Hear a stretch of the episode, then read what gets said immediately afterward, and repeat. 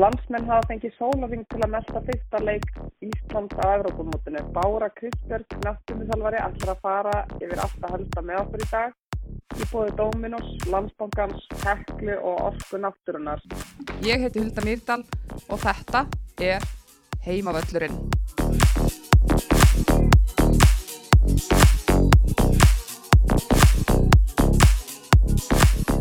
Jæja Bára, hvað segir þið gott? Velkomin.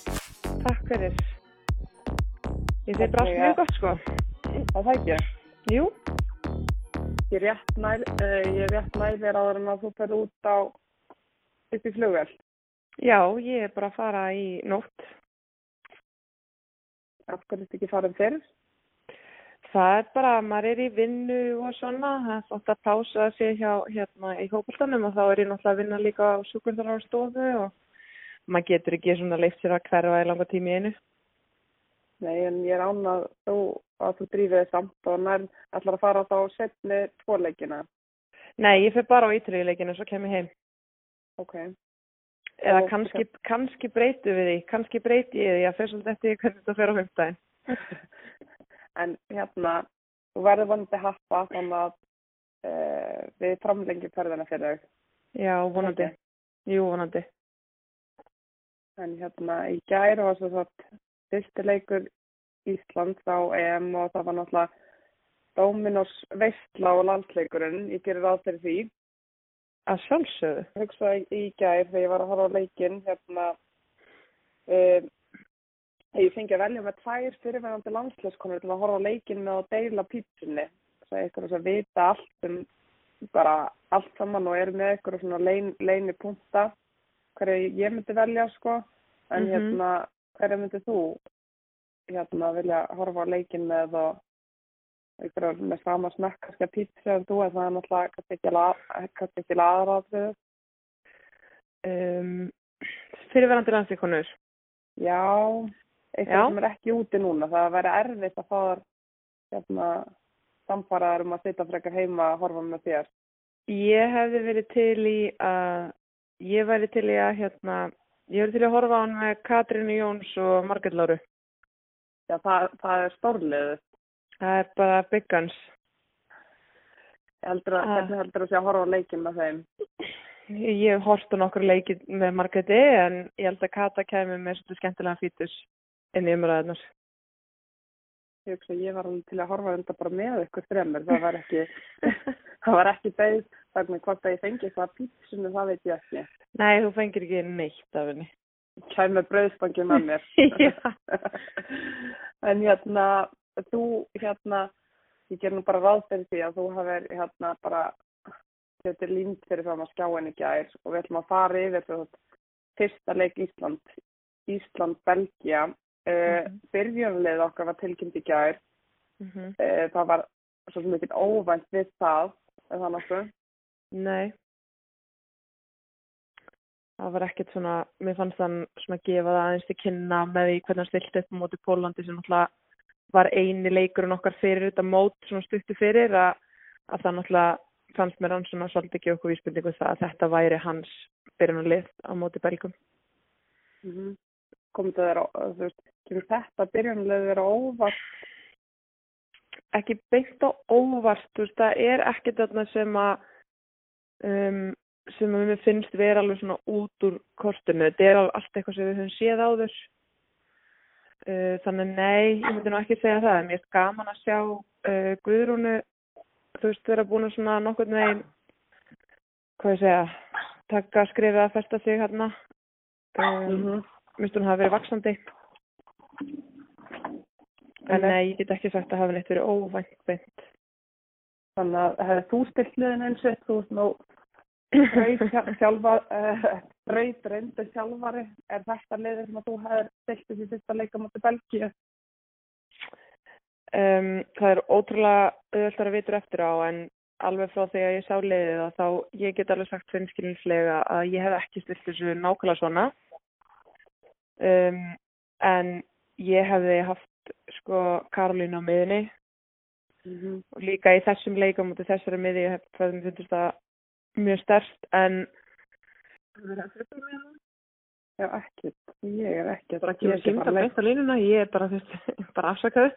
Hérna, nei, ég sé að Karolína, ég myndi hafa hann, hún er með svona eiginleika sem að mér finnst hinu með miðmennir okkar kannski ekki vera þeirra helstu styrkleikar. Þú veist, Karolína er svo skapandi, það er svo mikið svona finess í, hérna, tötsinunnar eða má sletta.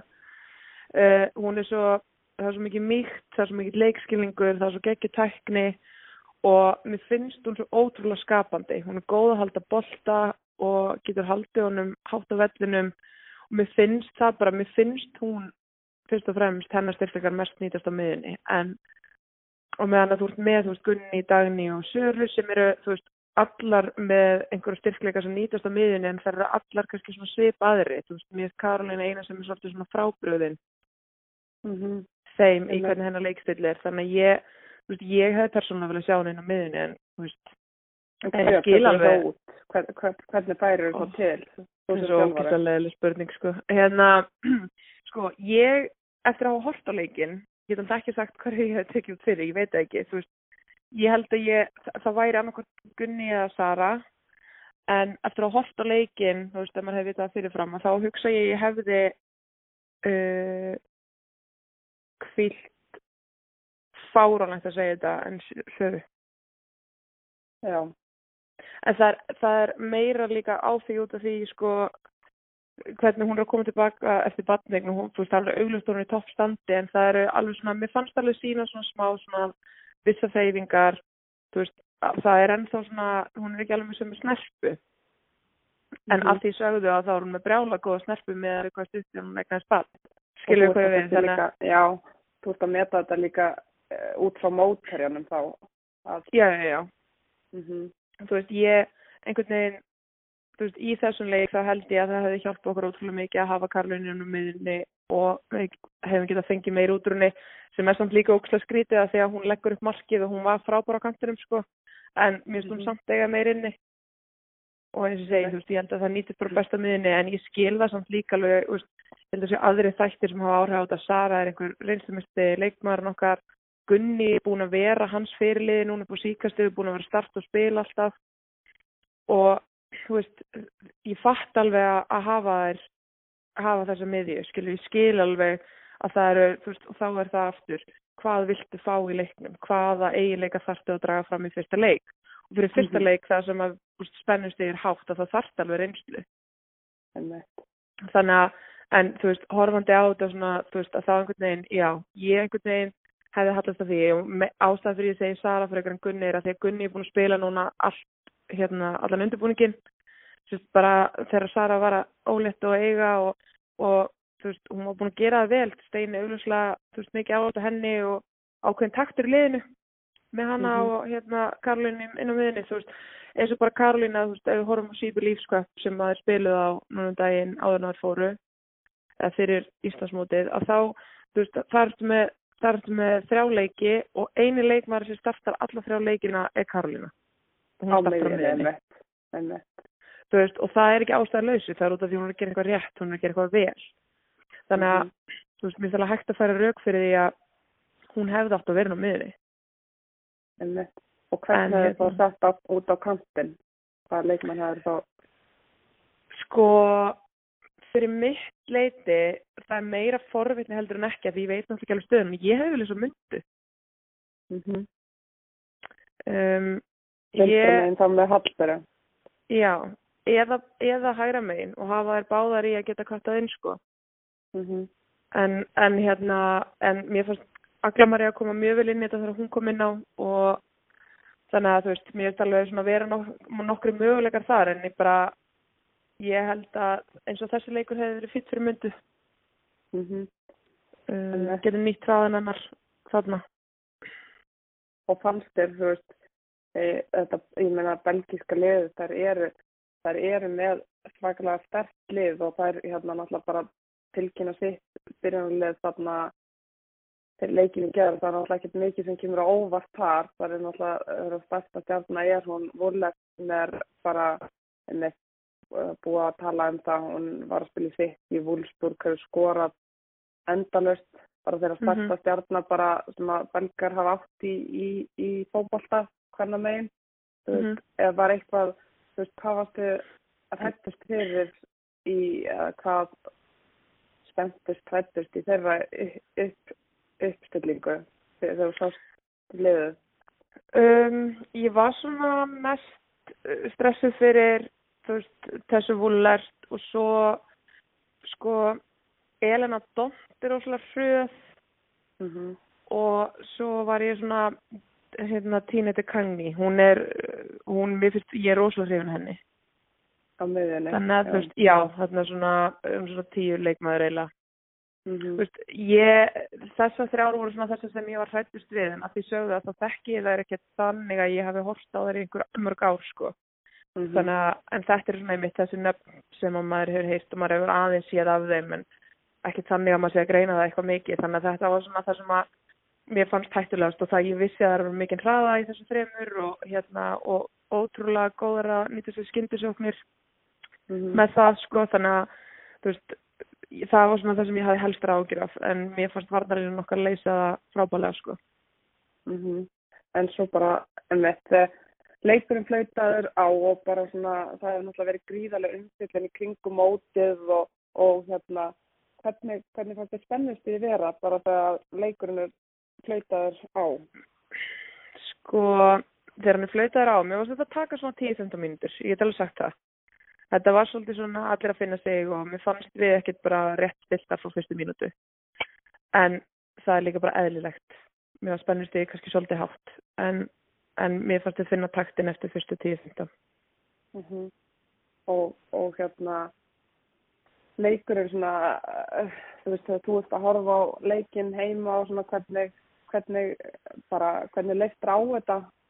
Það sem að, sko bara fyrirháleikin sko ég einhvern veginn fyrri hálfleikurinn fannst mér bara þú veist, svona heilt yfir bara, bara fín, bara svona þú veist, ekkert mikið hægt að setja út á hann uh, en setni hálfleikurinn fannst mér svona á köplum betri. Og veist, þetta var, mér fannst þessi leikur einhvern veginn aldrei verið hættu á meðan ég horfði á hann. Og voru alveg nokkur mómentar sem ég varð smá stressu þar sem það er komast þegar við erum hátt með liðið þar sem það er ætlar henn að breyka en eins og ég segi, varnarlegum nokkar náðu alltaf að, að leysa það. Þar voru ekkert að opna okkur eða komast mikið á baku okkur þar sem við vorum í erfiðum stöðum en eitt svoleiðis, þannig að mér fannst aldrei vera þannig að við varum ekki með stjórn á leiknum. Það gerist á hvað þrítugust og annari þriðji mínúti að það er hérna dæmt vítaspilna, Svendís Mhm. hérna sástu þetta strax að þetta væri vítið þegar Svendís neglur hann bara á markið. Nei, ég sá ekki hendina fyrir, þetta á sínt aftur sko. Já. Og var ykkur, að byggja, var ykkur að byggja um? Já. Var, Sko, ég, Gunni var að byggja um það. Þannig að hún fer að tala við dómarinn síndist mér og hún fer í eira á sér og eitthvað og svo bara, ég áttaði mig ekkert á hvað er í gangi fyrst sko, svo bara kemur upp á skjáin, þú veist, var tjekk og, og þá fer þetta að koma í endursýningu og þá náttúrulega bara um leið og ég sá endursýningan á þessu, þá er bara, hefði þetta víti. engi spurning. Þetta er ekki, hendin er ekki náttúrulega fyrir stöðu þarna. Hún er alveg, alveg upp á loft en, en hérna svo er, uh, svo er bara emitt, hún, hún hugsa um það horfir á, horfir á hérna sjónvarpið, leipir í sjónvarpið, horfir á þetta Mhm. alveg viss, þetta er víti þá er Mhm. bara hver á að taka vítið Berglind hún Já. hérna dýst til að taka það, teku vítið þú veist, taugarnar sástu á þarna að það var hérna, ég meina hún Já. já, Já, ég sá það. Ég var stressuð um leið og ég sá nærmynda vandlundin á henni. já, Um, en þú veist, á samanskapið þá þýðir það ekki neitt. Það er bara einhver tilfinning, sko. Það er Þetta engin... kannski meira eftir á skýring bara að, að hérna, fyrsta Ég meina, vítið er svona, Já, ég, ég meina, spilnan var ekki góð. Það er ekkert lindamál, sko. Og það sem að svona, maður sá í endursýningunni sem maður má kannski svona svektast um með er að markmaður leggur á stað áður en hún skýtur. já, Berglind er að horfa veist, á boltan allan tíman og markmaðurinn er búin að taka tvö skref eða er í skrefi tvö í þetta hot þegar hún tekur spytuna. mm já, þú meina hún var ekki gerist komin á línunni og hún var bara að Já. byrja að fara í þetta hótt. Já, já, já, hún er byrjað að fara í þetta hot og þú veist, auðvitað gerir þetta ótrúlega hratt en, veist, en Berglind lítur ekki upp. Hún er bara fókusur á boltan, hún er búin að ákveða hvort hún ætlar að skjóta og þess að þarna, þú veist, hefur hún bara geta lagt hann í hitthotni skilur en mm -hmm. eins og ég segi það er náttúrulega ekki hægt að að hérna setja sér þannig í þessu stöðu þú veist, þetta er náttúrulega bara ótrúlegt pressumóment og náttúrulega bara ótrúlega sýnir hvernig karakter hún er að geta tekið þetta. Einmitt og bara því hún, hún segir ég ætla bara að taka víti. En svona eh, Berglind þú veist það, það hefur ekki verið neins svona einhver víta skipta hjá Íslandi kannski og þú veist ef, ef þú hefði valið eh, vítaskipti fyrir þannig leik hver, hverju hefði þú sett á punktin? Ef ég hefði valið vítaskipti fyrir leikin? Já, eða bara, já. Ég hefði látið Karolínu taka vítið. Já. En það er ótrúlega riski líka. Veist, ég, fyrir mitt leiti, hún tekur hotnin, hún tekur aukarspötunar og einhvern veginn, ég hefði... Heit í fótunum. Já, veist, hún er bara ótrúlega góð spötuntekni og ég hefði sett hana punktin ef ég horfi bara það. En að samanskapi að það var þetta vídeo stórmóti, hún er fætt 2001 kannski erfitt, mm -hmm. þú veist, það væri erfiðara fyrir hana að koma tilbaka frá því ef hún skorar ekki heldur en fyrir Berglindi. Mm -hmm. Þannig er alltaf áhætta og mér finnst ekki einhvern veginn, það hefði ekki verið rétt að setja þessa pressu á Karolínu. En ég hugsaði en þetta í gæðir sko Karolína, en svo hugsaði ég Dagni líka og það, mér finnst einhvern veginn Dagni vera þannig hérna karakter og það bara ekki á hana. Einmitt og það er svolítið þannig, þarna þarf þetta að vega svolítið, þú veist, eins og fyrir mitt og fyrir bara, ef ég horfður bara fókbóltan, skilur, og, og spytnutækni og allt þetta, þá myndi ég velja Karolínu, en ég skil alveg ekki það ekki, hún er mjög ung og við veitum ekkert hvernig hún myndi bregðast við því, þannig að þetta er alltaf áhægt að hvort að það ekki viti og segjum hún myndi klúra því hvernig hún myndi bregðast við og verða það að skilja störa mótinu. En Berglind er alveg það þróskaði leikmaður að, þú veist, hún tekur þetta kassinum og hún, hún skorar, veist, Já, og hún verður kláru næsta leik, skilir við, þetta, þetta er alltaf þetta. Og eins og ég segi, það er alltaf, segja, það er alltaf að segja eitthvað eftir á en, en ég, já, fyrir mína part að þú veist, hef ég alltaf viljað sjá Karolín taka þetta eins og ég segi, það hefði getið að fara í bára áttur og kannski of áhættu samt í fyrsta leik. Mm -hmm. En, en eins og Svendi, Svendi sem hefur verið að spila í meistaröldinni uh, bara er vöndi núna að þú veist það verðist ekkert geta að hagga henni hvað, bara hvert greið sem hún tekur á ferlinu. Hún, hún, er, hún er ísköld. Hefði hún verið köld á punktinum? Ég veit það ekki, það er samanskapið sem er Karolínu, þú veist, það eru ég gamlar, ég veit ekki hvernig Sveindis tæki þú veist, að klúra viti. Nei. Nei, en Berglind bara stórt trós, eh, bara einmitt.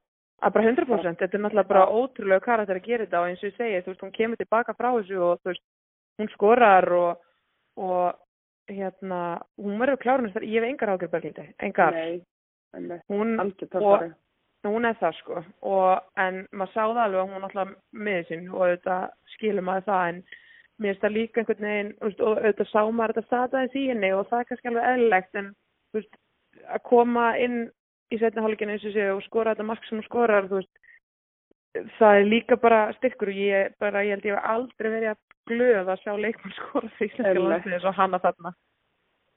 Og það er líka bara fyrir Berglind að komast að blaða á stormóti bara og risa stórt og bara þú veist vonandi bara áknast fyrir flóðkáttir þar. Já, það er mitt en hérna við fáum svo á okkur marg það er náttúrulega bara mm -hmm. rétt eftir að hérna, við komumst yfir þá hérna er dæmt vítastirna á okkur hvernig, hvernig leiðir að þá sjá hérna bara þegar hún flautar á punktin við nýkomnar yfir vítastirna dæmt, var þetta víti? Já, fyrir mínu parta þá er þetta víti Um, Hvað getur Gunnhildur gert þarna? Ég veit að hún áfari ekki að vera í þessu stöðu þannig að það var verið að bakka nau.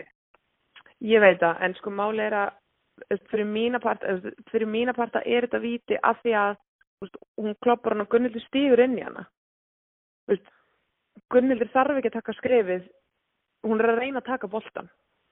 Hún mm -hmm. setur fótinn á sér fyrir líkamann á henni þegar boltin, hún er bara að kloppar hana og þú veist, jú, ef hún er náð boltanum, ekkert á þetta, en þetta er áhætta og við, þetta, veist, við erum inn í teig og af því að hún stýgur inn í hana þá segir hún að hún getur ekki að láta sér hverfa en hún, veist, ef hún hefði vitað að daginn í væri þarna þá hefði hún kannski vissum hún hafa, hún hafa alltaf sig á því.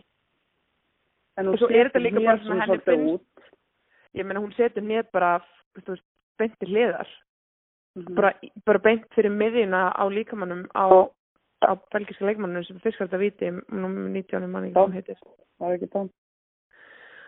Og hérna þú veist fyrir mér þá er þetta bara viti ég hef verið brjálið við þeim ekki fengið þetta en þetta er bara ógst að klaufalegt Mhm. þú veist það er alveg meira það. Ég var bara ógst að svegt ég bara sá þetta og ég bara þú veist þetta er bara viti því miður. Mhm. Og það skora bara örglega úr vítinu, mm mitt markið. Er eitthvað, þú veist, ég meina Sandra, hún getur, bara ef hún hefði varðið þetta, er náttúrulega alltaf plús sem að gerir einhvern veginn ekki þær kröfur þegar, Nei, veist, þetta er, ekki, þetta er ekki hægt að gera þær kröfur, þetta er eins og að kasta pening, þú veist, þetta er bara svona, hérna, flippa pening, þú veist, hvort liðin í löndurinn á, samt að það er augljóslega að ákveða sér í þetta hot Mhm.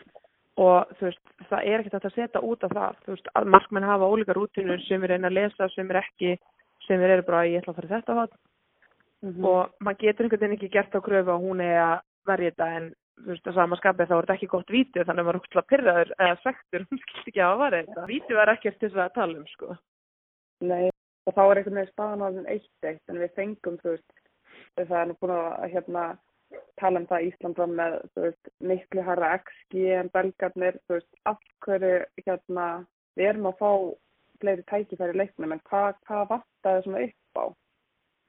Nýta færin okkar Já, hvað, hvað, hérna, hvað, hvað er það? Vantaði bara að koma boltan með línuna eða hefur við geta gert eitthvað annars á síðasta þriðjung? mm, veist, já og nei veist, mér fannst mér fannst ekkert að upplegin okkar það er, mér fannst, fannst ekkert sko ráttið það hvernig lögum upp leikinn og mér fannst við vera að nýta það ótrúlega vel veist, en það eru svona hlutir eins og þú veist ef þegar Svafa kemur inn á þá farið allt annað vinkil til dæmis í sóknarleikin heldur með Berglindi þá förum við meira þá kemur meira rót, þú veist, Berglindi er svona meiri link-up-spilari, hún er miðsvæðis að fá boltan í fætur þar og svo, þú veist, ef hún er að því og svo er hún bara réttu stæði tegnum Mm hún er góð að staðsetja sig í tegnum en svo þegar Svafa kemur inn á þá kemur svona meira eh, svona effort í vinslu þú veist, út á vængin, upp í hotnin bakur kantmannin, kantmari fyrir inni meira róta sem kannski aðeins á sóknarlinni -hmm. og býr til öðru sem möguleika og mér fannst þið alveg uh, svo, þú veist færi og hálfæri með það Mm -hmm. en þú veist, mér finnst þetta í raun og bara að vera þannig, þú veist, bara boltin ætlaði ekki inn, skilur, þú veist, mér fannst við betri. Ég held við myndum vinnilega leik, ég bara beigð eftir ef við myndum skora, en þetta það með belgiska leik ætlaði ekki. Nei, ég, ég er alveg sammála því og maður ekki, þú veist, það var náttúrulega vel að fara yfir svona einmitt einstaklingsframlistöður hérna bara á eftir og það er náttúrulega vörnin hjælpum alveg niðri. En Mm. með hérna skiptingarna, þú veist, Berglind fyrir útvist, Svavarós inn, veist, er þetta fyrsta skipting hjá þér sem að þú myndi gera? Já, þú veist, mér fannst þetta, mér fannst þetta alveg lógisk fyrsta skipting. Uh, mér fannst bara Berglind búin að gera ótrúlega vel veist, með sinn leik svona heilt yfir þrátt fyrir þetta víti, þú veist, og einhvern veginn þegar svona var að fara að líða og fannst manni vantar svona ferska fætur, þú veist, það hefði kannski líka verið hægt að að gera miðjuskiptingu fyrr Mm -hmm. Uh, og fá ferska fætur þarinn en, en jú, þú veist, miðjan eða, eða Berglind finnst mér sko. Mér finnst það 100% til þess að og það er líka bara þess að þetta, mikið hlaup á liðinu var mikið hérna veist, marga sóknur hjá okkur, veist, mörg færi þannig að já, þannig að einhvern veginn ferski fæti fram á við svona Og var þá pælingin, þú veist, hann setur ekki, bara, hann setur ekki elinu með þinn, það, það sem að hún er svona eins og meira eins og Berglind, bara svona vill fá hann í fætur og þetta. Er þetta mm bara með til að fá svona smá sprengikraft? Ég meni, ég, hérna- ég hugsa það líka, eitt af þessum fyrst að það svo ógæslega góð í, hún er svo góð í pressu, hún er svo góð í svona, ég, ég, ég kalli þetta hræðslupressu, þú veist, þegar varða með boltan og hún kemur svona sprengjandi á þig. Mhm. Mér finnst hún ógæslega góð í því, þótt hún sé ekki hröðust í liðinu eða eitthvað svo leiðis, hún, er svo- hún er svo góð í þessari pressu sem setur andstæðingin alltaf í vesen, það gerir það að verkum að við getum unni boltan herra á vellinum, til dæmis eins og Sveindís og Karlína voru að gera það alveg ágætlega að vinna liðs og sendingar á þeirra vallarhelming.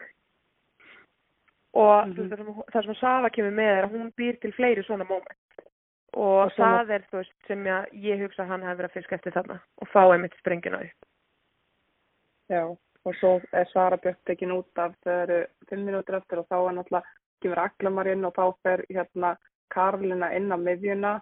mm -hmm. Uh, þú segir auðvitað loksins en þú veist, maður sér þarna í þessum leik hvað Karolina getur gert með sínum hreyfingum. Hún getur losað sér svo auðveldlega við tvo menn bara með einni hérna eins og þetta kallað í handbólta bara fyttur, skilur við. Þetta er Já. algjörlega, það hefur þetta engin annar. Sko þar eru náttúrulega allar veist með góða tæknin Karolína er fi- finnst mér með svo mikinn hún er með svo mikinn leikskilning. Og hún er með svo ótrúlega þú veist góða tækni. Hún veit alltaf þú veist eins og segi hvar allt er hvar allir eru, hvar mennir eru. Hún er bara svo góð að halda boltanum. Mér finnst enginn í liðinu, nei, jafn góð í þessu. Hún Elimetta finnst mér líka góð í þessu Mm -hmm. en hún var náttúrulega ekki að spila úst, en að öðrum fyrir aðra leikmenn úst, nei, mér finnst Karolina algjörlega í sérklasa með þetta Fannst þetta breyta ykkur eða var þetta bara, þú veist, hefur viljað sjá eitthvað meira gerast í skiptingunum, alltaf Karlinu fer svo út og Alexandra inn, en þetta er alltaf að gerast bara þegar fimm minútur eru eftir, hefur þú gert eitthvað, fyrr? þú veist, maður, þú veist horfand á leikin hefði maður alveg viljað að hann hefði byrjað að skipta 65 70 eitthvað svoleiðis en að því sögðu að þú veist að þá einmitt er þetta líka erfitt fyrir þjálfaran að því að staðan er eitt eitt, þú vilt ekki riðlof miklu að því að mann, þú veist, ég ímynda mér, ég er að gefa mér hérna hluti, mér leiði eins og við værum með leikin undir kontról og þau eru með leik svona pínu í játnum og einhvern veginn, en er samt með yfirhöndina, Mm -hmm. þá vilt ekkert vera hróplu mikið við liðinu. Þú veist, þannig að hann býður með eins lengi og hann getur að gera skiptinguna, ég skilða alveg. Og bara vonast til að marki Að bara vonast til, já.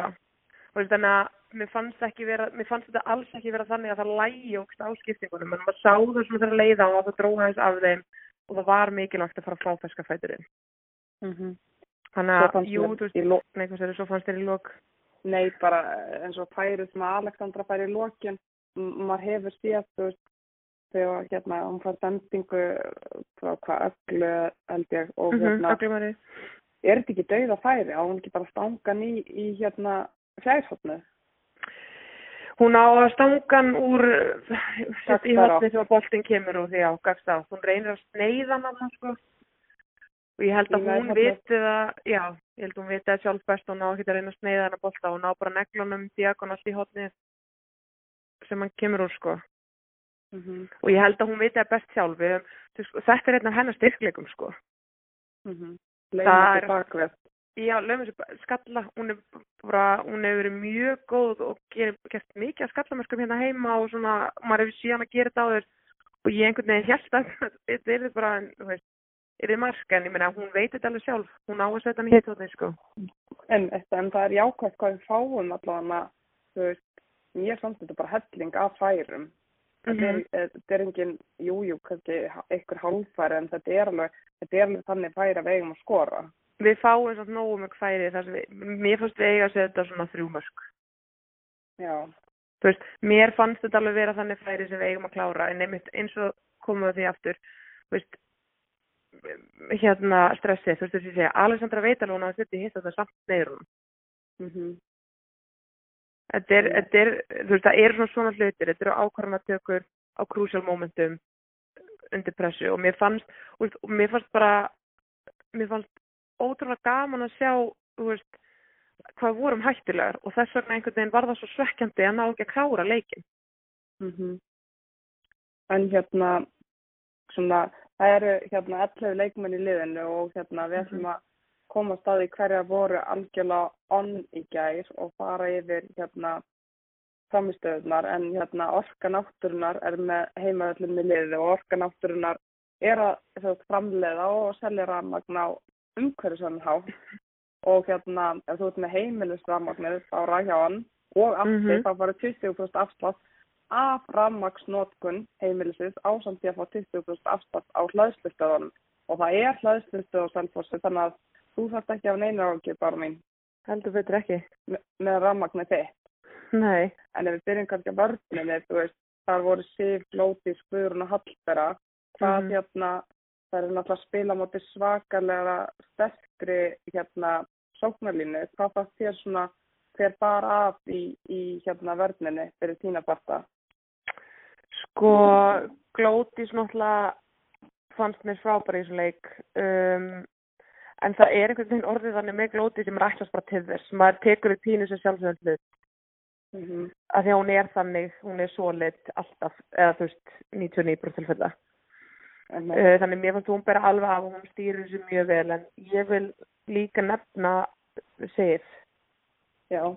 af því að sko mér finnst, mér fannst Sif mjög góð í þessu leik þú veist ekki að það fengi kannski það kredit sem hún á skilið og ég er alveg fyrsta mannskja þess að segja við hana ef finnst hún ekki að staða þessu við en mér fannst Sif í þessu leik mjög góð og þú veist varnarlínan bara í heilsinni en mér finnst sérstaklega gaman að horfa á Sif í stöðunni einn og einn Mm -hmm.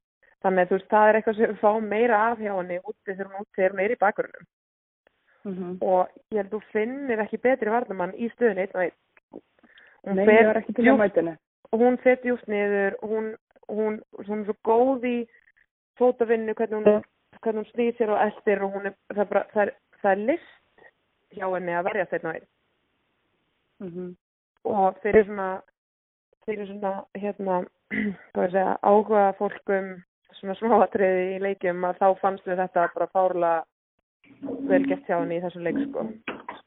Já, og ég meina, uh, eins og ég staði, þetta er sóknarlína sem við erum að mæta þarna.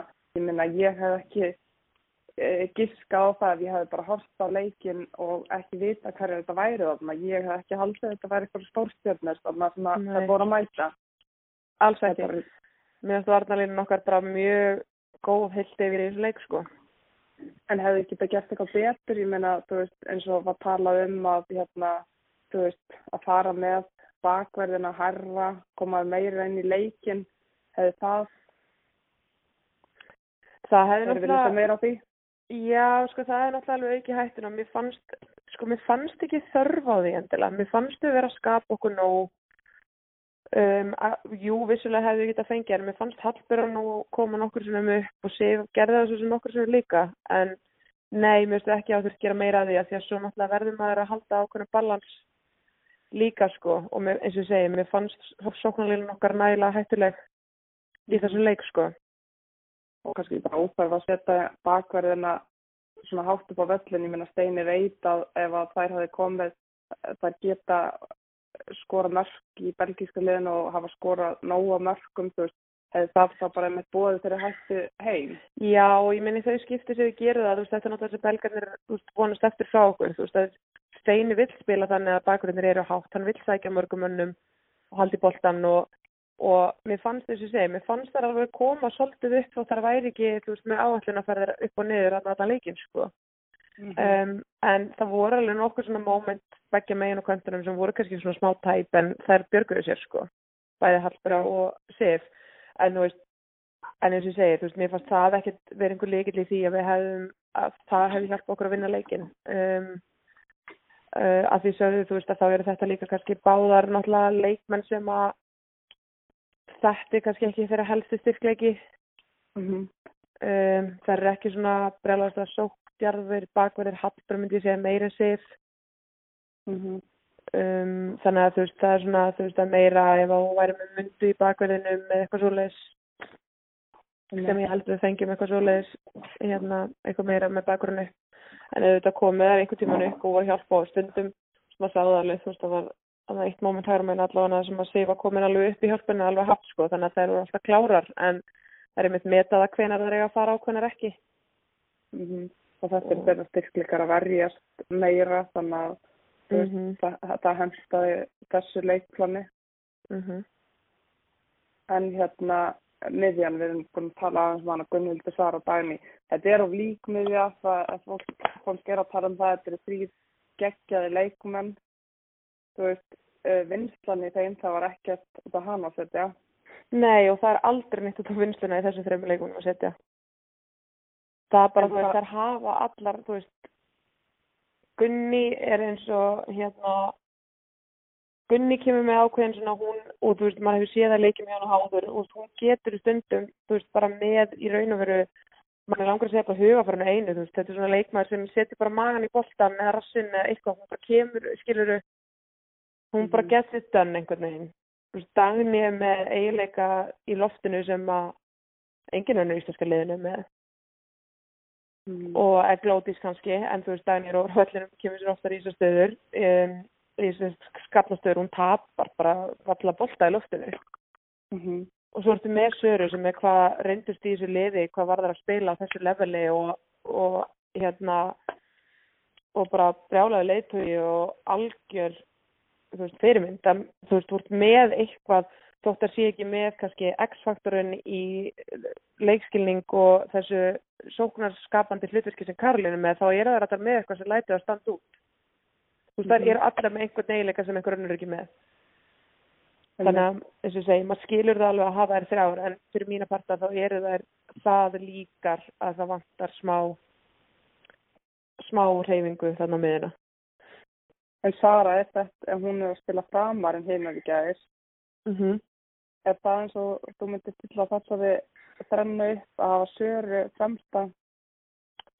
Sko, mér finnst að þessum þremur, já, þá, þá get ég alveg séð það. Þú veist, mér finnst Dagný búin að vera að spila vel í þessu hlutverki. Uh, sín hlutverki hérna neður á miðunni. En svo er samt spurning, þú veist, hún hefur líka, þú veist, hvort að maður hefði átt að hafa söru niður og Dagný uppi. eða Dagný ofar. Þú veist, upp á það að veri fleiri boltum, en hún er svo mikill svona box-to-box leikmaður, þannig að Þannig að já, mér ég hef ekkert endilega breytið sér sko. Ekki ef að þetta átt að vera miðjan. Þannig að það, er, það, er vin, það var vinst þarna í gær og þú hefði kannski bara viljað sjá meira svona skapandi. Hefði þess að þrjár eitthvað hefði get, geta gert eitthvað öðruvísi í, í, í því það er fyrir leikmann. Sko ég hef alveg séð betri leiki hjá Gunni og Söru. Veist, Mér fannst það ekki lélegar en mér fannst það heldur ekki endilega eins góðar ég veit að geta verið. Mm -hmm. Uh, Dagni, þú veist, var betri í setna hálfleik fannst mér að fyrri en sko, nei, mér finnst ekki hægt að setja kröfu að vera einhvern veginn típa leikmennum sem það eru ekki. og mér fannst okkur ganga á köplum og mér finnst þetta rosalega kaplaskiptuleikur mér finnst á köplum ganga með illa að halda veist, mm. -hmm. hátt á vellinum í kringum miðsvæðið við vorum meira haldunum út á vagnum en munin er að ef við munum miðsvæðinu þú veist, og náum að haldunum þar eins og í hólustöðinni að þá náum við mögulega líka að tegja varnarlinna meira sundir og koma það með sendingar eins og í gegn meira heldur en fyrirgjafir Mm -hmm. og það var kannski raun og verið eitthvað sem að við söknum svolítið en þú veist, við erum náttúrulega náum samt að senda nokkur sem í gegn það er alltaf út í breytina. Mm og það er bara gott að blessa það en þú veist, það eigur aðeins möguleikana eða öðru í sér færi á ef við erum með manneskir sem er með þe- þessa eiginleika. Fleiri vopn og möguleikar í sóknarleiknum. já en eins og ég En- segi, það er ekki hægt að setja þetta á sóknleiki við sköpum okkur alveg þess að kláruna leik Heyrðu þetta? já, En hérna, ef við förum í einmitt fremstu þrjá, þar erum við með Karlinu, Svendisi og Berglindi. mhm Hérna, já, ég meina Karlina, hún er ekki, hérna, hún er ekki kampmaður en hún leysir þetta gríðarlega vel og, og er að skapa fullt af, fullt af sjemsum. Uh, hvað þurfum að gera betur? Ég meina, Svendis á mar marga góða stretti, hérna, hvað, þú veist, bara eins og leikmaður eins og Svendis, hún er að sprengja upp þarna varninar af hverju, hvað þurfum að geta, gera betur til að koma hann svo bara inn í markið? Hvað var það sem áttaði þar? Var það hlaupin eða? Nei, þú veist, kannski meira bara, þú veist, mér fannst eins og bara, þú veist, þegar komið fyrirgjafir og dagni var þarna, þá var hún fyrst á boltan. Þegar að, þú veist, það komið sendingar, veist, eins og, mér fannst kannski rángstaðan hjá okkur að hafa, þú veist, getur verið betur en þetta er ókslega leiðilegt aðtrið að pikka út. Þú veist, mér fannst í alvörunni, sóknarleikurinn bara allt, mér mér fannst það bara nægilega góða til þess að vinna hennar leik. Já. Það, mér fannst í alvörunni það svona helsta sem mér fannst vantar að koma um yfir línuna. Að því við Mhm. sköpum okkur það mikið þá er ekki hægt að segja hvað hefur geta, við þurftum ekki að skapa okkur meira, við þurftum bara, þú veist, að klára færið. Og svo líka bara að gera þær vel, ég menna, þú veist, þegar Sveindi þá þetta einhvern 70 metrar spretta þá, þú veist, þá bara veru hún. Þú veist, jú, Einmitt. kannski bara að vera að koma fyrr, fyrr inn í, en það er engin leikmar á þessu móti sem er svo haldt í við hann. Voru með einn leikmann inn í bóksinu, skilur við. Þannig þú veist, það er ekki að hægt að... 32 km það og Já, það er það er bara... ekki bara er á. hinn já, Þú veist, Þannig að það er við erum í raun og veru bara með eina manneskinni teg og það er því að það er sóknarmörun okkar. Og Hún tekur bara sprettin og hleypur á stað. Það, En- það er ekki hægt að ætla til þess að hinar séu mættar. Nei, það er alveg rétt að ég minna það er eiga það má alveg sósa belgunum fyrir það að það er eiga nokkra geggjaða tækningar sem eru bara að bjarga marki og svo ver markmaður vera mjög vel, þú veist, það er bara að redda sér, þú veist, það er bara að ná að verjast þessu nægilega vel, þú veist, það voru, það voru, mar, það voru mörg góð færi eins og þarna, ég, man, ég held að það er í fyrirháleikim þegar hún tæklar þarna mómentin er að sveindir sér bara að fara að leggja hann. Hún bara táar hann í burtu, bara og þetta, þetta var bara styrla góð tækling. Berglind með frábæra sendingu var beint fyrir feitalæðin og svendið og maður sá Þannig það að- nú bara inni. Þannig sem ég segi, þú veist, maður getur ekkert verið að setja, þú veist, ég allavega, þú veist, fyrir mitt leiti, þú hef ekkert mikið út að setja á sóknarleikin. Það er það er bara þetta að klára færin okkar. En það ættir að velja einn leikmann, onn leikmann sem var algjörlega bara maður leiksins, þau stóðu upp úr, hver, hver verður það? Bara einn leikmaður, Sveindís. það var svendið. Hún var náttúrulega valin einmitt maður leiksins eftir leikin, þannig að Ég- Mér fannst hún bara, mér fannst hún frábæri í þessum leik, mér fannst hún brjóta upp leikin ofta á einn spýtur, mér fannst hún góð bæði vartalega og sóknarlega, mér bara heilt yfir fannst mér hún best í þessum leik. mm Þótt hún hafði ekki lagt upp eða skorað. Þú veist, Þannig ef ég á að velja eina, þá velja hana en ég get nefnt fjóra uppbót sko. en ég ætla ekki það að gera það. Nei, ég myndi segja Sveindísi. Það voru fleiri sammála því svo þannig að Sveindísi, við vonum bara hún er hún ekki að fara að halda þessum damp áfram. Jú, ég, hún, ég get alveg lofað því að hún er brjálegir, ég hafi ekki lagt upp eða skorað og það, hún kemur alveg tríti lóði í næsta leik. Mm En hérna, við erum hérna líka í bóði landsbankan sem að hefur verið að styðja landslið okkar alla leið og hafa gert það bara mjög lengi og Mhm. hérna, þú veist, fyrir EM þá hefur landsbanki verið að leggja áherslu á að kynna leikmenn liðsins fyrir fólki á skemmtilegan hátt. Hefur þú séð hérna strætóskilun? Já, ef eitthvað sé af þessu. Þetta er, þetta er allavega út um allt inn í Reykjavíkinu bara þannig að þú verður þú verður bara að taka, taka hérna bæjarferð. En hérna það er náttúrulega þú veist landslið okkar var ekki til á síðastara þetta eru leikmenn sem hafa algjörlega rytt brautina með sínum hæfileikum innanvallar og hérna bara síðustu ára tíu mannst þú eftir, þú veist, þegar þú varst yngri hverju voru svona þínir uppáhalds leikmenn þegar þú varst að alastu, Já, hver var það? Viltu vita hvað það var? Já, Ástildur Helgadóttir. það var ástildur og hún alltaf, hún fer ekki á EM, náði því ekki, Nei, en hún svo sannvarlega uh, stórpartur í því að riðja brautina fyrir bara komandi kynnslóðir. Maður hefði verið til að sjá hann á EM mhm, og bera sig saman við þær allar bestu en hérna það er eitt leikmaður sem að hefur gert þetta allt saman og hún spilaði á fyrsta stórmótinu sem Ísland fór á árið 2009 sem var haldið í Finnlandi. Hún hefur mhm. líka skorað á EM fyrir Íslandshönd og var í liðinu, já bara öll, öll fyrir mótin, getur ekki giska hver þetta er. Öll þrjú mótin er hún ekki á þessu móti. Hún er ekki á þessu móti en öll hinn hefur skorað, Já, Margrét Lóra. þetta er Fandís. Fandís?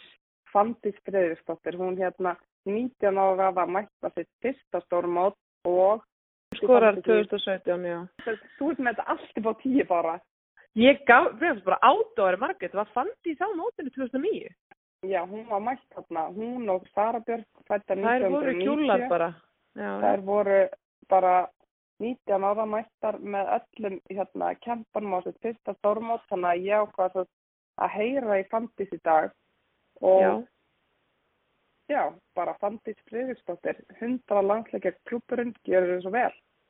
Blessu og sæl Fandís. Hérna, Sæl og blessuð.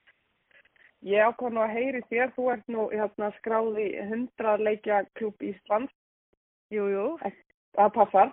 það passar. Hérna, Mikil heiður að vera í þeim klubbi. er það ekki, er þetta ekki rétt að fandis á línunni? 100%. Það eru ekki margar sem er í þessum klubbi. Nei, og ekki sem heitir Fandís. Ofan á Nei. það. Þú náttúrulega, já, kannu hérna heyri þér, það, hérna, uh, þú svo fyrst að með datt í hug, þú hefur náttúrulega farið á, er það ekki rétt er, þú hefur farið á öll þrjú stormótin áður sem Ísland Jú. hefur farið á. Jú, passar. og það, það er ekki tilviljun og þú hefur hérna skorað mark líka á stórmóti þannig að þú hérna kannt þetta allt og, og veist þetta allt þannig að engin pressa en þess vegna vildi ég heyri þér. Já, en kannski bara fyrsta spurning þú veist, þú náttúrulega slítur crossband uh, mjög svekkjandi eftir að hafa bara komið gríðarlega sterk tilbaka eftir badneik og það er nú ekki kannski létt að koma tilbaka eftir badneik bara hvernig gengur endurhæfingin? Mm, endurhangin gengur bara, bara mjög vel sko, þótt að sé, þá er tæskvít að segja, það er þá sjö mánuðir eftir. Já, En, já, þetta er svona, æ, þetta er búið að vera, búið að vera erfitt oft á tíðum. Þótt að endurhangin gangi vel, það er þetta bara svona, það sætti við að hafa lett í. já, það er eitthvað það er svona, heyri svolítið slitra á dýðar veitum að ég heyri þig núna Heyrist betur núna. já, hva, hvað ertu það, er það slitna aftur Ég er inn upp í svei, upp í bústa Já. hjá fórhundrum mínu. Já, já, við verðum að græða netpunga á þau Já, það er ekki, við erum ekki komið svo langt. En netpunkt, það þarf ekki það þegar maður er í símanum. þá þurfum við að grafa fyrir símarlínu Já. ekki spurning en hérna, ok, þannig að þetta hefur gengið, ég menna uh, það þegar þú segir þetta hafi verið erfitt auðvitað, þú veist, eh, þegar ég talaði við síðast þá var ég á leiðinni að fara að penta hlugriksdóttir bara á mína treyju fyrir EM þannig að ég skil vel að þetta takja þig Já, þetta, já, þetta, þetta gangi vel svona meðstallega séð, þá er þetta búið að vera erfitt andlega séð.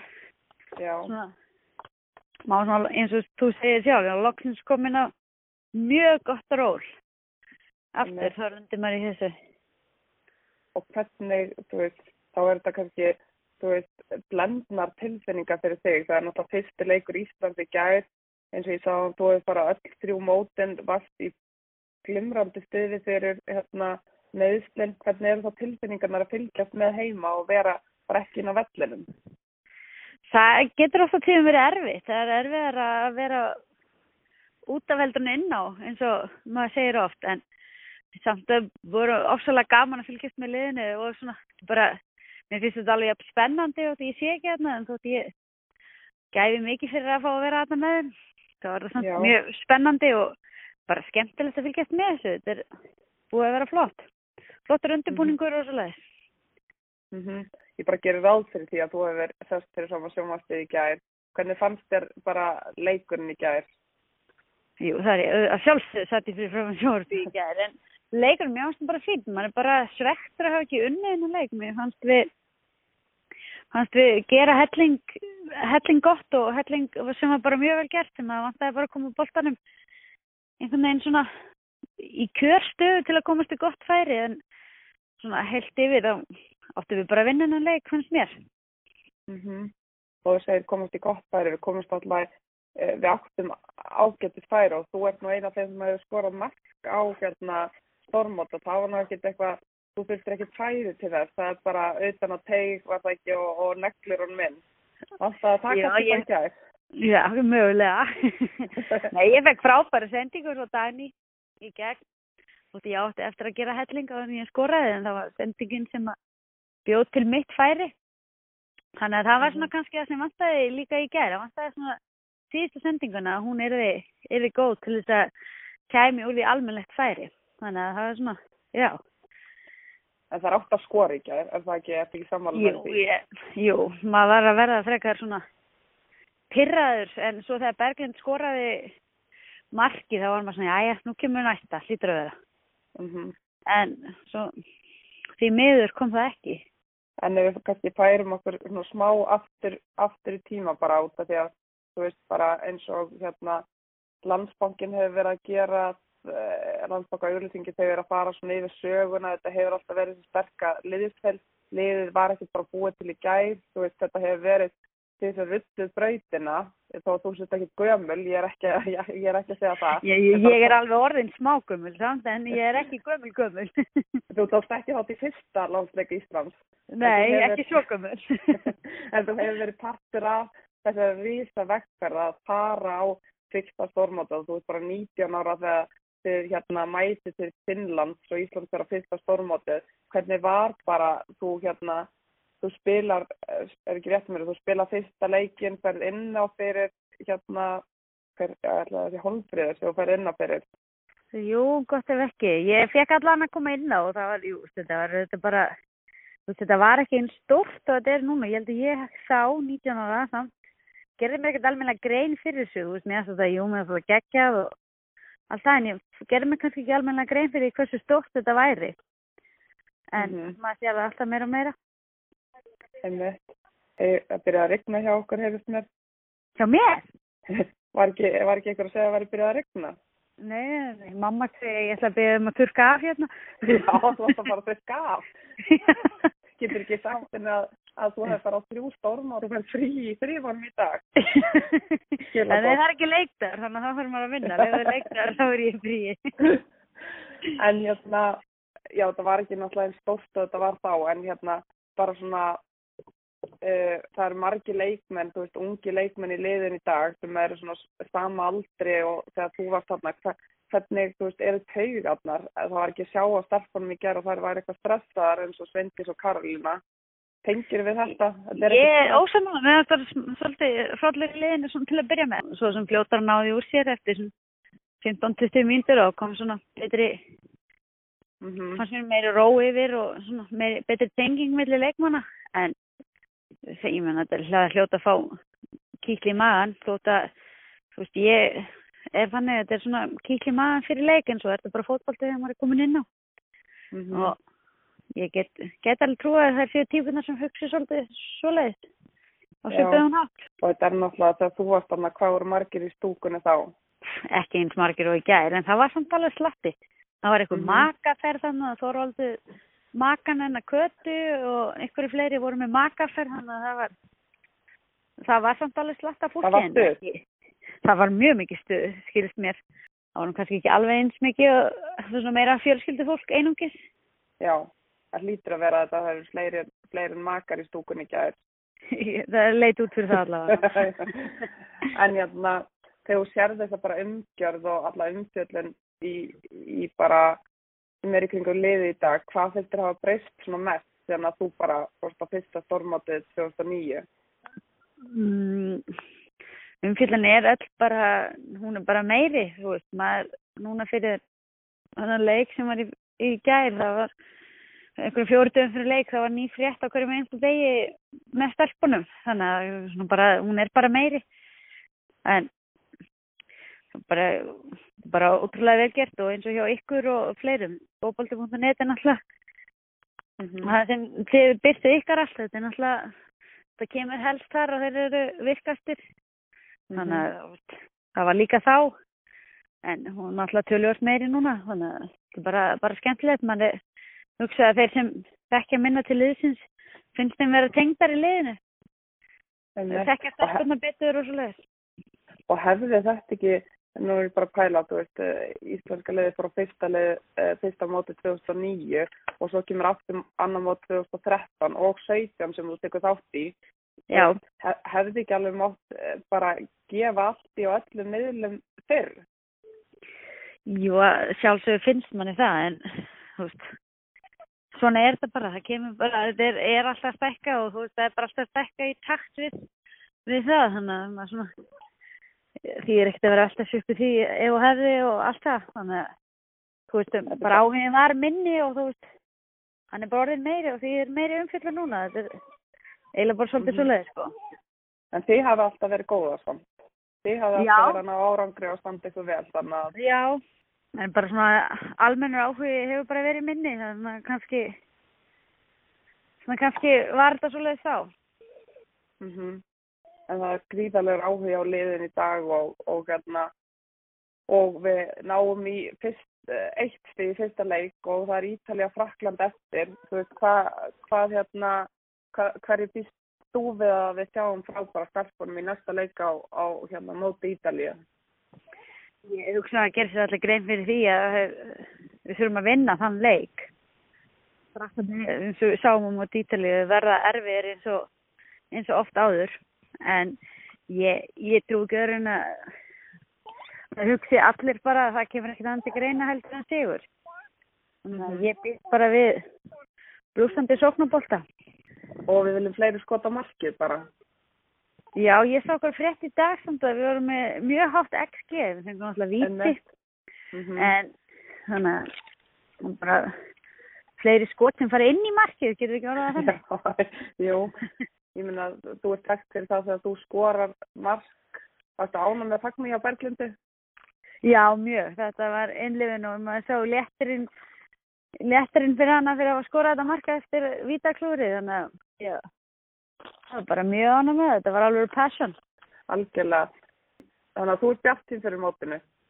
Já, ég, bara þetta er, þetta er spennandi, spennandi lið sem við eigum og ég bara, já, ég hef mikla trúið að við förum upp úr reyðlunum og með, með þar alveg þurfum við sigur á móti Ítalíu Mhm. til þess að það gerum- mögulega. Og við gerum bara það kröfur að, að liði vinni í Ítalíu. Það er vita að það var hérna, er verða að vinna leikinn, þannig að Já, ég, ég hugsa að þú veist, það þurfi ekkert að segja það við stelpunar, það er vita að það er ætla að gera það. Ég, ég átti spjallið Hallbörju mína í morgun og ég, það var allir frekar svektir með að hafa ekki unni leikin í gær og það er hann í því að vinna næsta. Þannig að ég, ég er bara mjög spennt. Mhm. Og þá er það loka spurningin, það er svona allir að pæli, bara hvernig, hvernig lífir Hallbjörn á þín? Hún, hún er heppin að eiga Gunnhildi. Við erum heppin að við erum þrjár. Ég ætla rétt að vona að hún sakni mín mjög mikið.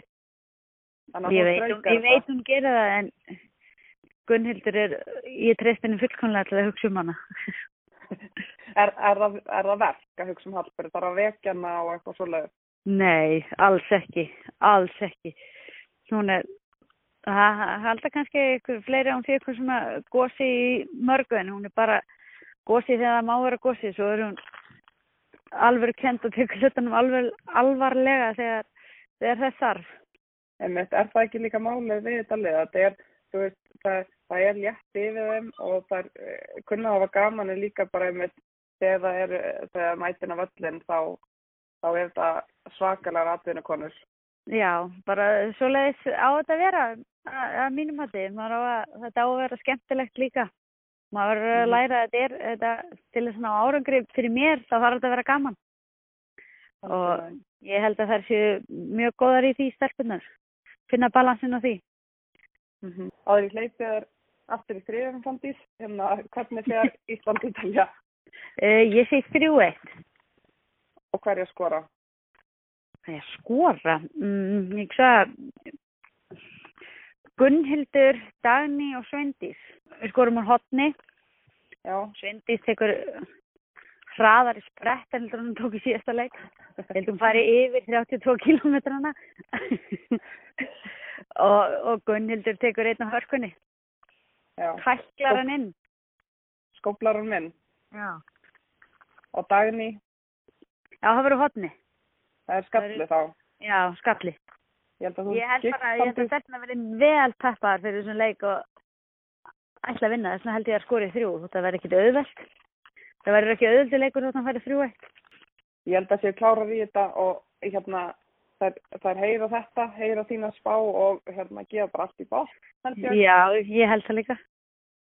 En bara takk kærlega fyrir Fandís og bara gangið er ótrúlega vel í þinni endurhæfingu og bara er- á, á ég ekki svo bara, ég get alveg prentað Friðriksdóttir. Ég til að vera er bara- eiga hana. Ég vonandi, vonandi fæ ég að klæða þessu einhvern tíman aftur. Já, ég ger það. Engin spurning. Herðu. Takk fyrir að ringja. Fanndís. Ok, heyrum. Bye. Uh, já, þetta var Fandís Friðriksdóttir. Bara gaman að heyra í Fandísi og ég meina Bára, hún hefur gert þetta allt og þannig að hún veit nákvæmlega hvernig stelpunum líður úti núna. Já, heldur betur. Hún, hún þekkir þetta manna best búin að fara á þrjú stórmót. og hún er bjart sín fyrir hérna því sem framöndan er en við fengum smá smjörstef af því hinum liðanum í reyðlinu þegar hérna Ítalja og Frakland mættist í gær Mhm. uh, lokatölur uh, raskjalling Frakland 5, Ítalja 1 uh, hvernig leist þér á þann leik? Sko, sá leikur var alveg bara búinn eftir hálftíma. Mm Þannig að um, ég var bara ótrúlega hissa var alveg hreinskinn. Ég bjóst ekki við franska liðinu svona sterku. Ég veit þar eru góðar, en það er búið að náttúrulega ólgæðina franska liðin sem var til þjálfvaran og það er vantar tvo frábæra leikmenn hjá þeim sem ættu alltaf að vera í þessum hóp. -hmm. Þannig að ég svona, var ekkert að búast við, ég var ekki að búast við þessu, ég get sagt það. En mér fannst þetta líka svo ótrúlega magnað út af því mér fannst Ítalir ekkert svona ógæsta lélegar, mér fannst frakkarnir bara svo ógæsta góðar. Já, var það ekki með málið? Maður sá alveg að það er ímyndslegt í þetta ítalska liðspunnið. Ég, þetta verður ekki auðveldur leikur hjá okkur móti Ítalíu, sko. Hverjir, þú veist, Við erum meina- ekki að fara að valta yfir þar, sko, það er ekki fara að gerast. En hverjir eru þá, ég meina, þú veist, möguleikar Ísland eftir þessu úrslit, ég meina Ítalja og Belgia, hérna, er eftir að mæta, þú veist, Mm -hmm. hvern- hvernig séu það spilað? Þú veist, ég held alveg að belgarnir geti staðið í þeim, en ég held við reyndar að Ítalía vinni þann leik, en, en hérna, ég veit ekki, veistu, mér finnst þessi riðið, mér finnst allt geta gæst. Mér finnst það ekkert vera þannig núna því að við gerum jafntöflum út í Belgíu sem liðið sem áttum að vinna að það sé bara möguleika að sjóti. Ég er bara svo innilega langt frá því. Ég sá leikina á móti Ítalíu í sem spilu í fyrra við á móti Mhm. Ítalíu og hérna ég einhvern veginn, þú veist, einu og hálfu ári síðar búið að það lið búið og okkur búið að spila sér saman þú veist, ég einhvern veginn ég er bara ótrúlega bjartinn fyrir Ítalíu leiknum Mm -hmm. Og í raun og frakkaleiknum líka, það fórvilt að segja eftir að hafa hórt á þér, en mér finnst við geta þetta náðu í stiða báðslegum. Það, Það krefst þess að, við séum á topp degi, en mér finnst, við, mér finnst þetta ekki vera þannig að eigi að vera einhverjar raskellingar í þessu viðlið, eins og ég segi, þetta komur á óvart. En hvað, eða, þú veist, Ítalnir mæta náttúrulega bara, þú veist, mæta þær brothættar á móti okkur, þær verða náttúrulega að vinna okkur, þær vita það alveg, þær ætla upp úr þessum riðli og það ætla við líka, þú veist, hvernig sér þetta fyrir þetta bara?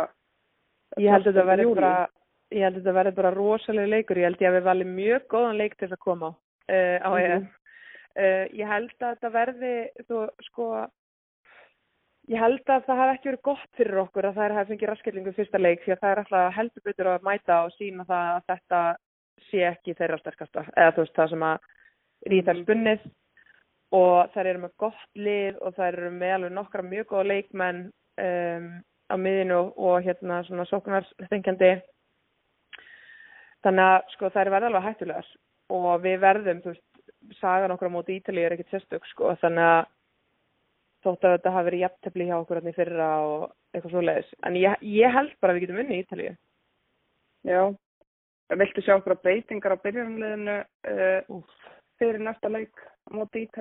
Þú veist, þær eru ekki, ekki eins fókbalt á hvað? Ég myndi hvað- vilja fá Karolínu á miðuna. Uh, þú ert ekki að fara að spyrja mig hvernig ég myndi taka út af því að ég bara veit það ekki. Það er önnur hvort, annarkvort það er Gunni sem er fárulegt en það er önnur hvort þeirra. Mhm. Ég myndi vilja fá Karolínu í tíustöðuna og ég, veist, ég vil sjá myndu. Á vinst, að hægri kantinu, þú vilt sjá þar keira inn á Já, völlinn. já, ég vil það. Og ég vil fá hlaup í gegn um línu líka aðeins meira núna en við vorum að fá. Mhm. Uh, Við áttum alveg nokkur þannig en ég vil sjá aðeins meira því að því að sko, en það er samt, það er erfitt á móti Ítalíu af því að þær eru þær eru agaðar varnalega sko Mhm. og ég held að þær séu ekki að fara að hápressa okkur eitthvað eða svoleið sko en að samaskapi þá vilja þær vera með boltan þannig að það er alltaf sensa að breyka á þær. Þess vegna held ég þessi gott að vera með mundur líka af því að það er svo gott að það er held ég styrkja ekki fyrir okkur að breyka hratt á þær þegar þær eru búin að vera að sækja. Mhm. þetta eru tvö lið, bæði vilja vera með boltan veist. Þannig að Þannig að þú ert bjartinn fyrir leikinn. Já, þú veist, ég er mjög bjassinn. Mér finnst alveg, mér finnst líka, ég held að það sé allt í lagi þóttu störtum eins og störtum síðast. Bara fyrir mína parta og fyrir, það er auðvelt að vera áhuga maður, ég myndi vilja svo Karolínu miðinni. Mhm. En að samaskapið myndi ég líka vilja, þú veist, mér fannst Aglamar að koma vel inn, kannski hægt að mögulega byrja henni skrítið að segja að það sem hún er ekkert búin að spila í Svíþjóð núna. Um, en við hefum séð það svo ofta áður að þú veist, það hefur ekkert endilega neitt mikið að segja hversu mikið er að spila í sínum félagslegum er bara og koma svo í landsliði, þetta er bara allt annað þetta er bara allt annað mót sko. Allt annað hugafar og, og þær eru þær eru svo ótrúlega mættar. Mér finnst bara einhvern veginn skína af þessu liði hvað er mikið samstæða Mhm. þannig að ég hérna, þú veist, ég held að sama hvað kemur inn að hún verði klár en bara fyrir mína parta, fyrir mitt leiti þá er ég til þess að Karlur um miðinni og myndi á vagnum Já. Og áður en að ég byrði um að koma loka tölu fyrir leikin, ég veit þú mátt hugsa þetta, en hérna, Mhm. við veljum hverju þætti heklu þáttarins í samstarfi við bílaumbóð heklu og hérna, veist, það er þá eitthvað sem að okkur langar að hrósa sérstaklega eru fyrirmyndir, sumar, sumar eru mikið talaðum en sumar eru bak við tjöldin og við, okkur langar að bara draga fram í sviðsljósið en hérna það sem að í íslenska liðinu eru 23 leikmenn og það eru ekki bara magnaði leikmenn innanvallar heldur eru þetta svakalega fyrirmyndir og mm. meðan maður sér það bara á, á öllu nánast. Það er að menta sig, það er að hafa barist fyrir meiri umfjöllun látið þessu heyra er að halda fyrirlöstra til að hvetja leik, yngri leikmenn áfram. Veist, það er alltaf að einhvern veginn að miðla sinni þekkingu áfram og, og hérna okkur langaði að velja þú veist hekluna núna úr íslenskarnarsliðinu og við gætum svo sem valaðar allar örglega Mhm. um, en það eru hérna fimm mæður í íslenska landsliðinu og það er, það er bara eitt að sé stórmerkilegt á heimsvísu og þetta er með Mhm. á EM og, og hérna og við ætlum að velja þessa því að hún er búin að sína heiminum að hún er að gera eitthvað sem hefur ekki sérst oft áður en hérna hún eignaðist barn þegar hún var að spila í besta liði í Evrópu og það þekkist nú ekki þar og Nei. hún vil sína heiminum og bara öðrum konum að það er allt hægt og þetta er Sara Björk Gunnarsdóttir Mhm. uh, Bára, hún hefur náttúrulega bara veist, þetta sem að Sara hefur verið að gera, ég meina þetta tekstist ekki Líón, hún hérna er búin að vera bara hefur barist fyrir í rauninni bara og verið sínilega, þú veist, þetta snýst ekki bara um fótbolta, þetta snýst um jafnrétti og að riðja brautina og er ekki Mhm. Sara Björk sannlega búin að gera það? Jú, heldur betur. Mér finnst sko, þú veist, eins og vorum að tala um á einhverju úr út í liðinu og ekki að svo er þetta svo mikið mótsögna þegar mér finnst sko, mér finnst stærsta afrikið að sjá hvaða stað hún er á núna svona stutt eftir batning. Mm -hmm. Af því að þú veist, það er ekkert, um, þú veist, og þótt að heimurinn hafi ekki séð þetta mikið, þú veist, að það náttúrulega hafandi verið að þjálfa í fótbolta og verið að spila sjálfa og æfa og allt þetta og þá þekki maður og, veist, ég horfði upp á Sif gera þetta eftir setnafatið sitt Mm og þá var ég sjúkarþjálfari hjá liðinennar og þannig ég var bara með henni eiginlega bara frá hvað, þriða mánu, öðru mánu bara snemma og þetta er ruggluð vinna á bakvið þetta. Þetta er bylu. Náttúrulega ekki eitthvað spatt sjálf og ekkert svo leiðis en, en ég eins og segi, við erum með leikmennu sem að fara í gegnum þetta og horta leikmenn og, og hérna var með Ólinu Viðas í gegnum hennaferli og ég bara sé þetta og þetta er ekki þetta er svo miklu, miklu starra afreg að fólk fattar. -hmm. Bara það staðurinn sem hún er á og þótt að ég hef verið að tala um einn áðan að maður sér að vanta snertum og svona. Við tökum það bara algjörlega út fyrir svega að það staðurinn sem hún er á núna 8 mánuðin eftir að eignast það er bara, það er afreg. Þetta er bylun. Þetta er bylun. Þetta er, það er, sko, það er svo mikil vinna að það fólk gerir sér enga grein fyrir. Og það, svo, það er svo geðveikt fyrir okkur sem bara fótballtafjóð og konur að veist, við forréttindi að hún sé íslensk. Af því að hún er með það hún er það þekkt og með það einhvern veginn mikið plattform til þess að geta sínt frá þessu. Af því að það er þörf á því á þessu sviði. Og það er bara, það er stórkostlegt að við eigum fulltrúa sem getur gert þetta. Mm Ekki bara, þú veist, hún hefur breytt leiknum fyrir okkur en á vellinum, en núna er hún einhvern veginn bara á, þú veist, hún vil að fara með þetta lengra, þú veist, það er allt sem hún segir er svo mikið vikt mm -hmm. Þú veist, allt sem hún sýnir okkur, það er svo mikið vikt í því út af því hvað stáðan er á og, og svo ser maður líka bara, það er líka bara, þú veist, þetta er ekkit annað en hugafall og Nei, nei. dedication.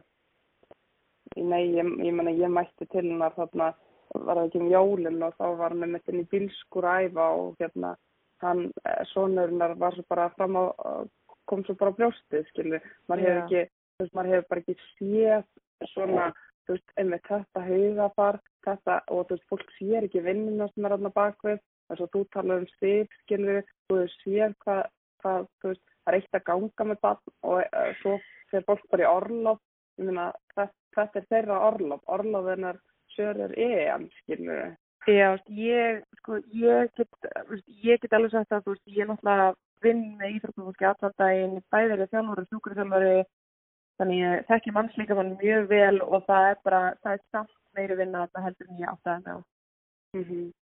skilur þú, þetta er bara, þetta er ótrúlegt og svo líka bara er þetta þannig að þú veist, allar þessar konur hjá okkur, flottu mæður í þessum hóp, þær eru allar líka með stuðningsnet af því að þetta væri ekki hægt án þess heldur. Þetta, er, veist, þetta er svona smá setting svona it takes a village. Þú veist að þú Mhm. getur þetta ekki nema með, með stuðningi frá fólkinu í kringu þig og ég minn eins og Sara, þú veist, það er einhver verið að passa barna svo að hún geti ætt. Þannig að þetta er Mhm. svo mikið, það er svo margir sem eiga þátt í þessari vektar hjá þeim öllum að koma tilbaka Mhm. eftir þetta. Einmitt, og það sína okkur bara allar, ég meina það eru fimm þannig hóttum bara að það er í rauninni bara allt hægt og við bara þakkum þeim fyrir það og ég veit að framtíðin bara þakkar fyrir þetta, þessi skref sem að þær eru að, er bara þessi, þetta brautina sem að þær eru að viðja. Já, ég held að þetta er eftir að sína sig svona næstu árum. Þú veist, þetta er eitthvað svona sem að mun skila sér til lengri tíma leiti. Við munum sjá að þetta mun verða algengara og þetta mun verða uh, svona hvað ég segja, viðurkendra. Þú veist, það er ekki langt að FIFA sett inn reglur um þetta og uh, jú, það man ekki hvort það var. Og þú veist, og það, þetta allt, þú veist, ég held að við munum ekki sjá hvað þetta skiptir miklu máli fyrir en eftir nokkur ár. Mm -hmm. Þú veist, við vitum það, við vitum að þetta munum hafa áhrif en við munum sjá það í fleiri mæðurum, í fleiri, þú veist, í betri aðstöðu fyrir mæður, betri umgjörð fyrir mæður, allt þetta hjá félum og klubum. Uh, þannig að ég held að, ég eins og segi, ég held að við munum sjá í raun og veru ávöxtunin á þessu eftir nokkur ár á næsta árum. Já, og við bara þakkum þeim kærlega fyrir sitt framla, við getum nú sittið inn í allt kvöld og þakka þeim fyrir það en, en við ætlum ekki þú þarfst að fara að pakka í töskur. Já, ég þarf bara að drífa mig. Hvað, hvað tekum maður með? Ég pakka eftir tvo dag í mína tösku, hvað, hvað, hvað þarf maður að hafa með sér út? Uh, sólglerugu, sólavörn og íslensku tvegina. Það, já, það er bara þetta, þú veist með handfarangur þá bara. bara, bara restinni retta maður ef það er eitthvað sem klikar en það eru, já og vegabrið það eru ákveðin hlutir sem þurfa að fara honi og svo og hérna, svo er hitt bara svona, þú hendur einhver í tösku Mm Og þetta verður ótrúlega upplifun en þegar hérna loka spurning bara bára á það en að ég Mhm. þakka þið fyrir bara kvöldið, hva, hvernig þegar leikunum Ísland, Ítalja, við vinnum leikinn 2-1 hver er skora? Sveindis og Dagný, Er það skallið frá daginn og sprettur frá Sveindisi 35 km hraða? já, hún eftir að kreist út eitthvað aðeins ekstra. Það er alltaf eitthvað meira aðna Bára bara takk kærlega fyrir komuna og bara góða skemmtun í, Englandi. Og bara er það ekki bara áfram Ísland? Það er áfram Ísland, alla leið